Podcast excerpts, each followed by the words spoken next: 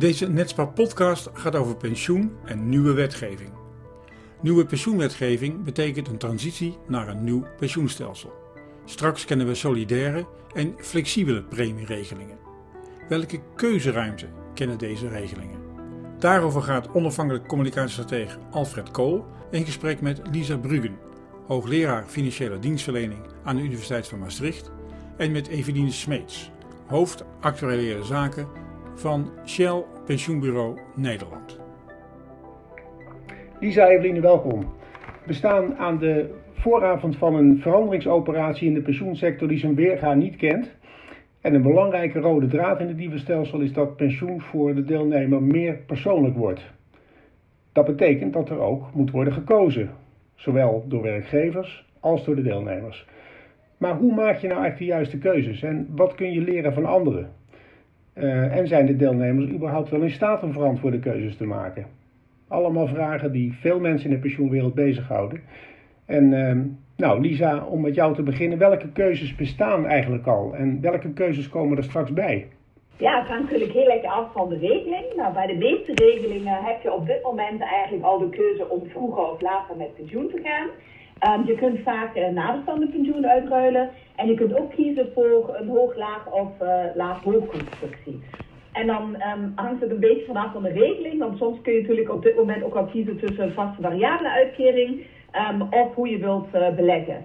En de meest belangrijke keuze die straks bij komt, is natuurlijk het bedrag um, ineens. Hè? Dus, dus eigenlijk de lump sum keuze die bij alle tweede regelingen um, gaat komen. Wat leert als je nou naar de gedragswetenschap kijkt? Hè? Want je, je hoort wel eens mensen willen wel kiezen, maar kunnen niet kiezen. Wat, uh, wat, wat, leert die gedragswetenschap ons uh, eigenlijk over het maken van keuzes? Is de, is de irrationele mens eigenlijk wel in staat om rationele keuzes te maken? Leuke vraag. En er is heel onderzoek over. En er wordt ook nog steeds heel onderzoek over gedaan, want we weten nog niet alles. Wat we eigenlijk over het algemeen wel weten, is dat de mensen het wel leuk vinden om een keuze te hebben. Alleen als de keuze er dan is, maken we daar ook heel vaak geen gebruik van. Um, en dat is een heel leuk neuronderzoek, um, wat APG uit heeft gevoerd met uh, Joyce Augustus Vonke en een aantal collega's. En dat heeft de leuke titel: Het brein wil niet kiezen, maar wel gekozen hebben. Ah. En dus er zit echt iets raars in tussen um, wat we eigenlijk wel leuk vinden, maar ook hoe we ons dan gedragen. En ook achteraf, als we weer terugkijken over, uh, over onze keuzes. En dan komt er ook nog bij kijken dat um, een heleboel factoren, bijvoorbeeld de manier waarop de keuze gepresenteerd wordt, het framing daaromheen, uh, hoeveel keuzes je aan mensen laat zien, die gaan heel erg beïnvloeden um, wat mensen gaan kiezen of hoe ze zich gedragen. Maar betekent dat uh, dat, je, dat je, als je eenmaal je keuze hebt gemaakt, dat je dan ook de neiging hebt om daar wel tevreden over te zijn, over die keuze? En dat hangt ook een beetje vanaf hoe de keuze uitpakt. Um, yeah. Vaak als dingen goed uitpakken, dan schrijf je het zeker aan jezelf toe, hè, want yeah. jij hebt dan een goede yeah. keuze gemaakt. En als het slecht uitpakt, dan um, hangt het heel erg vanaf hoe je de attributie neerlegt of wat misschien de onderliggende redenen is. Ja. En vaak zie je als er dan verklaringen zijn, zoals uh, echt een enorme financiële crisis of iets wat in de hele wereld iedereen raakt, um, dat mensen daar dan nog wel hun vrede uh, mee kunnen hebben. Um, als het dan uh, andere redenen heeft, Um, dan wordt het interessant, um, want vaak is de neiging om dan de schuld dan ook bij, uh, bij anderen te zoeken. Ja, precies. Ja. Dus dat kan ook wel spannend zijn, uh, ook in een nieuw stelsel, dat, dat je dan denkt, ja, maar ze hebben ook niet goed geïnformeerd. Of hè, dat, dat je daar eigenlijk een schuldige zoekt uh, om, om dat te verklaren. Ja, ja. Nou, het, lastige bij, bij pensioen is dat als je de keuze moet maken, dat het daarna nog behoorlijk lang duurt voordat je het effect van die keuze gaat merken. Dus als dat dan verkeerd uitpakt, om wat voor reden dan ook, dan, uh, ja, dan heb je wel, zit je wel met de gebakken peren, zo gezegd. Evelien, als je, uh, maar zeggen dat, dat, als je naar de keuzeruimte kijkt, uh, uh, zit het verschil in keuzeruimte niet vooral ook in het kunnen maken van beleggingskeuzes? Ja, dat denk ik wel. Als je naar de twee contracten kijkt, dan um, zal in het solidaire contract uh, er één beleggingsbeleid zijn, wat, wat vastgesteld wordt door het bestuur van de fondsen. Ik denk dat het grote verschil met het flexibele contract is dat je in het flexibele contract ja, meerdere beleggingsbeleiden naar elkaar, naast elkaar uh, kan neerzetten. Waar de deelnemer dan een, een keuze uit uh, kan en, en moet maken. Ehm, en daarmee kun je dan inspelen op, op de wens van de deelnemer. Wat meer op een individueel niveau. En waar, Lisa, als je, als je kijkt, waar zou je op, op moeten letten bij het inrichten van een keuzearchitectuur voor een fonds? Ja, er zijn een, een, een, heleboel factoren waar je op moet, uh, moet letten. Uh, ik kan er misschien ook eens naar uh, Nets bij de bibliotheek verwijzen. Die heeft onderzoeken rond een keuzearchitectuur waar wat meer details nog in staan. Ja. Ik denk dat ik, um, wat ik echt heel erg wil benadrukken, dat wat mij betreft het allerbelangrijkste is, is de strategische keuze aan het begin. En eigenlijk je, je vertrekpunt. Um, ik denk dat het super belangrijk is dat fondsen goed overdenken wat eigenlijk hun ambitieniveau is. En um, wat hun visie is, hoe ze zo'n keuzearchitectuur uh, in willen richten. Um, want je zou bijvoorbeeld kunnen kiezen voor een, keuzearchitectuur waar je echt moment, mensen probeert in, in de breedte over eigenlijk alle, uh, ja, of de hele financiële situatie van de persoon te helpen. Want als je zegt, hé, hey, iemand moet een keuze gaan maken, dan um, wat is dan een goede keuze? Dat kun je eigenlijk alleen maar zeggen als je meer weet over de financiële situatie van een persoon. Hè? Als je ja. weet, uh, is hij getrouwd, hebben ze vermogen, uh, wat heeft uh, een persoon elders opgebouwd. En al die factoren bepalen natuurlijk of dan de ene keuze beter is of de andere. Ja. Maar dat vraagt heel veel en dat is heel ingewikkeld om dat op een goede manier ook um, te kunnen doen. En dus je zou ook voor uh, kunnen kiezen om um, je alleen maar te richten op eigenlijk een, een stukje hè, wat, iemand uh, bij een pensioenfonds opbouwt. Um, en misschien ook alleen maar uh, tot informatieverstrekking gaan en, en niet helemaal zeg maar, de persoonlijke begeleiding um, van mensen zelf willen doen, maar mensen dan misschien doorverwijzen. Dus dan heb je eigenlijk een heel spectrum van mogelijkheden. En ik denk dat, dat ja, die, die positie die je op dat spectrum eigenlijk kiest, ontzettend belangrijk is voor alles wat je dan vervolgens gaat doen. Dus eigenlijk voor het hele inrichten van de keuzearchitectuur. Ik denk dat je, dat je daar goed over na moet denken en dat ook heel goed moet onderbouwen. Ja, ja, ja. En ik denk dat je, de, als ik jou zo beluister, dan, dan zit er, eh, hoe meer je weet van je deelnemers en van de specifieke situatie, hoe beter je dat kunt inrichten. Uh, dat kun je onderzoeken uh, door, door uh, nou ja, deelnemers goed te leren kennen, maar misschien ook wel door een hele slimme data-analyse. Zit, zit dat ook, en hoe ver kun je daarin gaan? Hoe ver moet je daarin willen gaan? Ja, ik zou er sowieso voor willen pleiten om uh, bij die keuze die dan gemaakt wordt, um, ook echt de, um, ja, de deelnemers er mee te nemen. En dan is de vraag van jou eigenlijk op welke manier. En ik zou echt zeggen op alle manieren die je kunt verzinnen. Ja, ik ja. denk dat je, dat je best veel informatie in je bestanden hebt. Dus je uh, ook echt wil kijken um, wat hebben mensen in het verleden gedaan, hoe gedragen ze zich, hoe wordt er gebruik gemaakt van uh, bepaalde keuzes, naar welke informatie wordt uh, gekeken. Maar je kunt natuurlijk ook zelf onderzoek doen. Hè. Je kunt een enquête versturen, uh, mensen vragen. Of misschien um, ook een enquête gecombineerd met kwalitatief onderzoek om eens wat meer door te vragen. en ook te snappen waarom mensen voor bepaalde dingen kiezen. Hè. Want voor ons lijkt het dan misschien helemaal niet logisch of zo, of niet ja. verstandig, of weet ik veel. Maar vanuit hun perspectief zit er misschien ook een hele goede reden achter. Dus ik um, denk dat het heel belangrijk is om, om daar ook het huiswerk uh, te doen.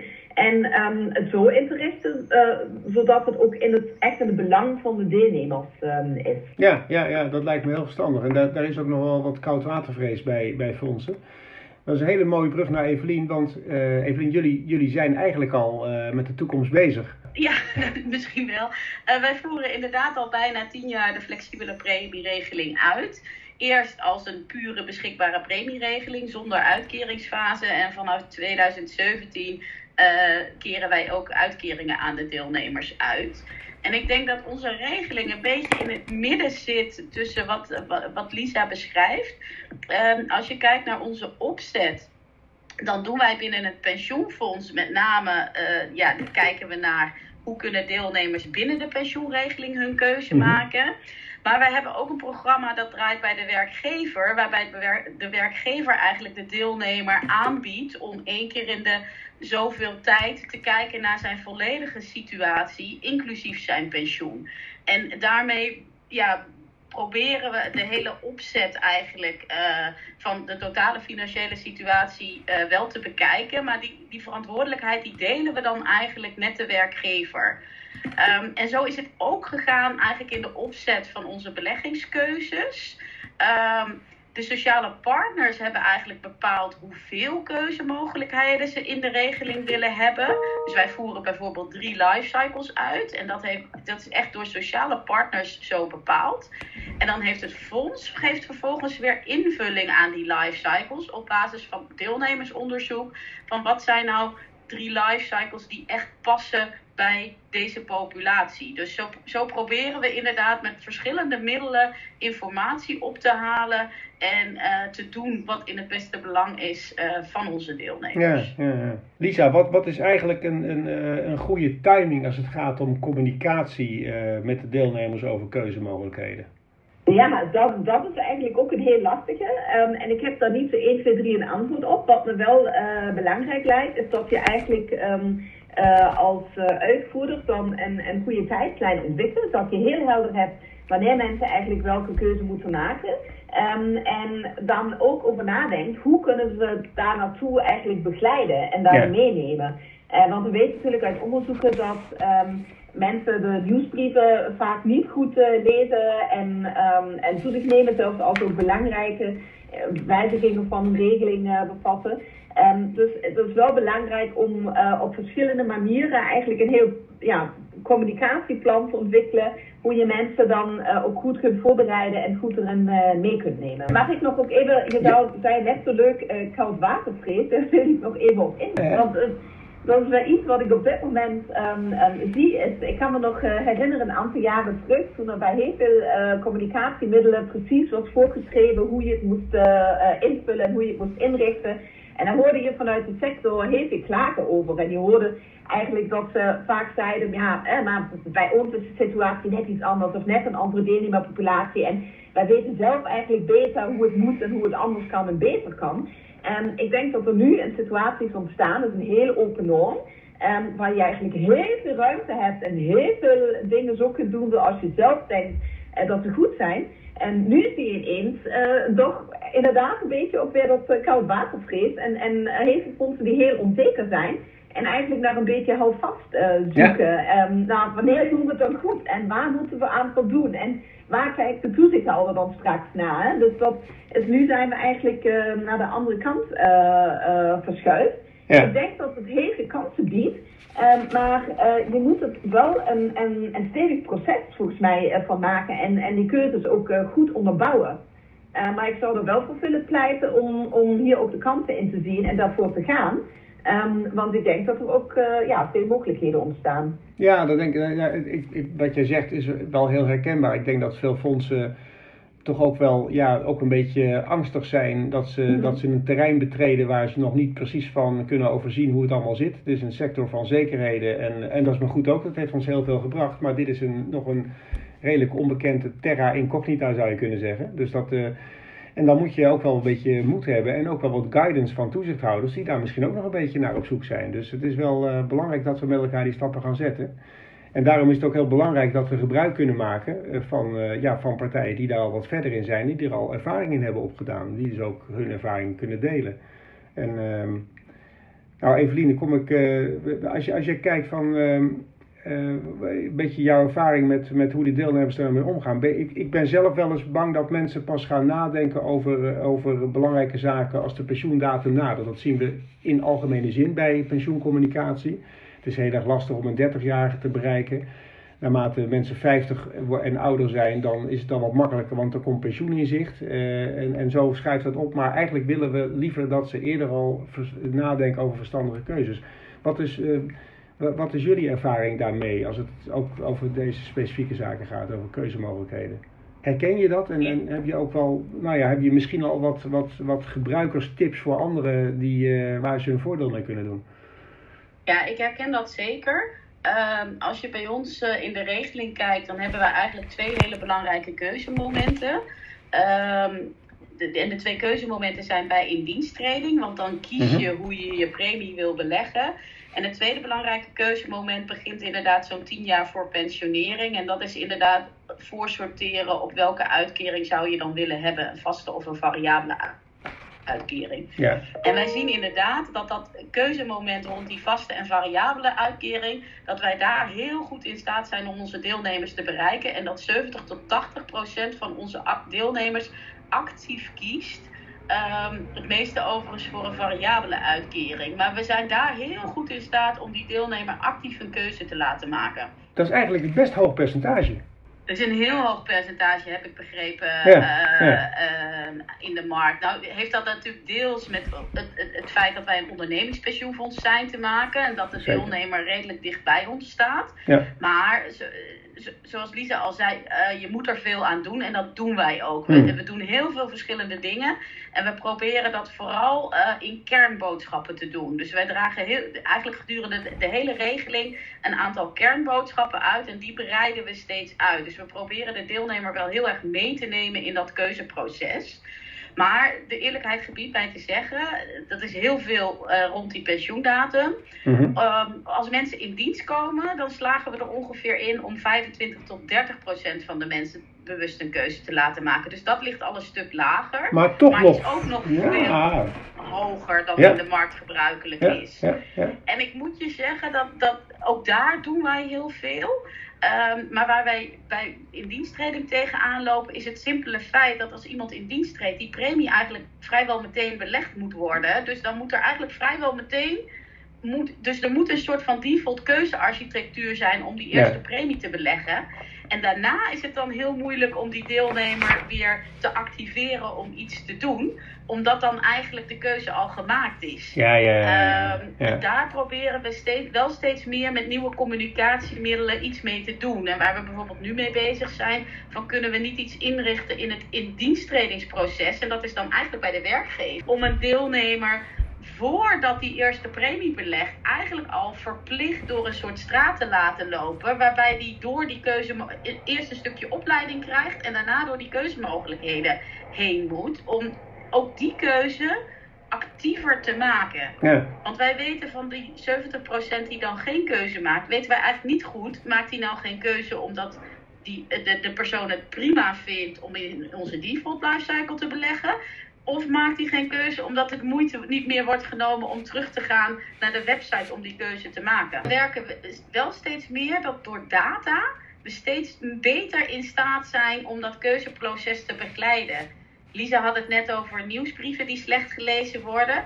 Nou, wij zijn inmiddels in staat om te eh, destilleren welke nieuwsbrief goed gelezen wordt en welke nieuwsbrief slecht gelezen wordt. En in die nieuwsbrieven die dan Mhm. goed gelezen worden, doordat je bijvoorbeeld een bepaald artikel over iets wat, eh, wat hot en happening is eh, hebt staan, kun je dan ook weer een boodschap verwerken die te maken heeft bijvoorbeeld met de keuzearchitectuur. En, en dat soort dingen proberen wij wel steeds meer te doen. Dat is wel gaaf. Li- Lisa, is dat moet voor jou Ja. ook, eh, ja, ik zou bijna zeggen, gevoelensfressen zijn. Hè? Maar als je, als je, als je eh, dit, dit soort praktijkdingen, als je die nou een beetje combineert met, eh, ja, met de theorie, wat, wat is nou eigenlijk, kunnen, kunnen we daar een soort van ideale communicatielijn in ontwikkelen waar andere fondsen een voordeel mee kunnen doen? Want ik, Ja, ik vind een aantal dingen die ik hoor echt uh, superleuk. Ten eerste, je, kent ook de getallen goed, dus er lijkt ook een stukje evidence-based onder te liggen. Uh, wat werkt, wat werkt niet, um, hoe kunnen we steeds slimmer worden. Um, dus dat vind ik al heel fijn om te horen. ik hoorde je eerder zeggen um, dat er bijvoorbeeld drie lifecycles worden aangeboden. Dat vind ik ook echt heel goed dat er bewuste keuze voor werd gemaakt om niet te, te, veel keuze aan te bieden. Dus dat choice overload eigenlijk te voorkomen. Um, en drie is dan vaak ook echt wel een goed getal. Daar is ook heel veel onderzoek naar. Dan moet je wel goed kijken hoe je die precies inricht. Uh, want er zijn dan ook uh, dingen zoals uh, um, de middle option, dat er vaak voor het middenste gekozen wordt.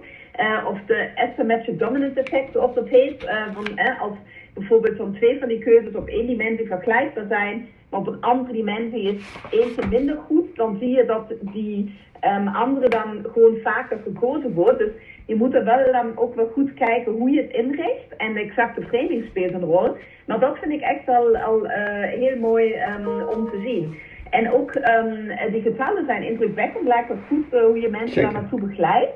Um, dat initiatief om meteen bij een diensttreding iets te doen, dus zowel een stukje opleiding, maar ook mensen erin te begeleiden, vind ik superleuk. We hadden altijd een idee om daar een onderzoek over te doen, maar het is er nooit, uh, nooit van gekomen. Dat lijkt me echt heel erg interessant. En je zou het misschien zelfs nog kunnen verbinden met een soort van urgentie um, appeal, dat mensen dus echt uh, uh, maak die keuze, hè, want um, ja. een beetje overbrengen, je moet die snel maken. Nu is het moment, want dan gaat je pensioenopbouw in zoals jij het wil of zoiets. Hè. Dus daar ja. kan ook framing misschien bij helpen. Dus dat zou heel interessant zijn om, om inderdaad dat op, ja, van de grond te krijgen en, en te kijken hoe je dat goed kunt inrichten. Ja, en ik, zit, en, ik zit nog aan iets anders te denken. Het is ook een hele mooie gelegenheid om de werkgever uh, als steunzender in te zetten. Dat hoor ik Evelien ook zeggen. En ik denk dat in het nieuwe stelsel sowieso de werkgever een, een belangrijkere rol krijgt dan voorheen uh, in, het, in, in de hele communicatie over pensioenen. Dat het ook een, echt een, uh, ja, zeg maar zeggen, ze daar een rol moeten pakken. En dat zou geweldig kunnen helpen om deelnemers te bereiken, omdat de, werkgever veel dichterbij is voor in veel gevallen dan het pensioenfonds.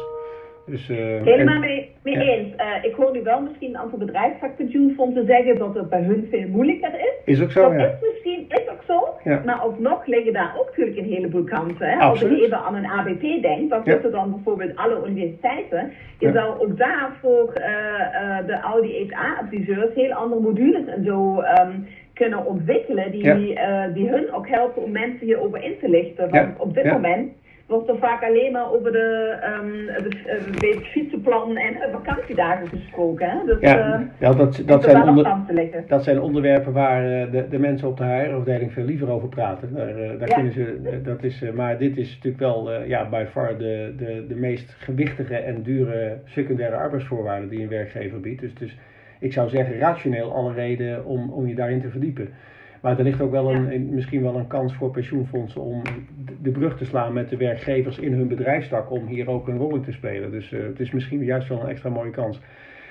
Af, afrondend, we hebben al heel veel besproken. Zou, uh, maar zeggen, het is al even voorbij gekomen. Een, als mensen niet kunnen kiezen, dan moet je als fonds natuurlijk zorgen dat er een, een goede, uh, ja, zoveel mogelijk op maat gerichte default klaar ligt waar ze zich dan in ieder geval geen buil aan kunnen vallen. Um, dat heb je, als het goed is, op orde. Um, maar zou, als je dat heel goed op orde hebt, zou het ook niet juist, ja, klinkt heel gek, maar belemmerend kunnen zijn voor mensen. Zou het ze niet gemakzuchtig kunnen maken? Zo van, nou ja, uh, er is wel een goede default, ik hoef me hier niet in te verdiepen, dat komt vast wel goed. Uh, Evelien, is, is dat iets waar jij, uh, waar, waar je, herken je dat? Uh, ja, dat herken ik wel een beetje. Um, wij hebben bijvoorbeeld het, het, het, pensioneringsproces bij ons. Daar moeten deelnemers een keuze maken tussen een variabele uitkering en een vaste uitkering. Mhm. Waarbij die variabele uitkering bij ons wordt uitgevoerd. En bij een vaste uitkering krijgen deelnemers hun, hun kapitaal mee en moeten ze dat bij een, een verzekeraar of een PPI inkopen. En wat je daar heel erg ziet, is dat het keuzeproces zelf eigenlijk belemmerend werkt om mensen echt een keuze te laten maken. En waarom zeg ik dat? Is op dit moment hebben wij vanwege allerlei techniek en, en, en, en, en, en, en, um, en, en, en data issues moeten wij nog deelnemers een natte handtekening vragen om dat keuzeproces in te richten. Een natte handtekening? Moet, ja, natte Ik heb er gelijk een beeld bij. Dus dan moeten een papiertje ondertekenen, dat moet weer ingescand ja, ja, worden om te kunnen pensioneren. En um, wat, wat je dus, en, en, ik doe veel van die uh, nou ja, podcast, maar ook webcast over dat pensioneringsproces en dat verschil tussen een, een, een vaste en een variabele uitkering. En wat je mensen daar hoort zeggen, die zeggen van ja, maar jullie hebben toch als default variabel ingericht. En als ik dan niet die handtekening zet, dan zit ik toch in variabel. En dan proberen wij die mensen heel lief aan te kijken en te zeggen: maar zou je alsjeblieft voor onze data ook alsjeblieft die handtekening ja, ja, ja, willen zetten? Dus ik denk dat daar ook heel veel te winnen is in hoe makkelijk maak je het voor mensen. Want mensen willen het op zich wel doen. Maar we werpen nu soms ook best wel wat blokkades op. En dat zal goede juridische redenen hebben.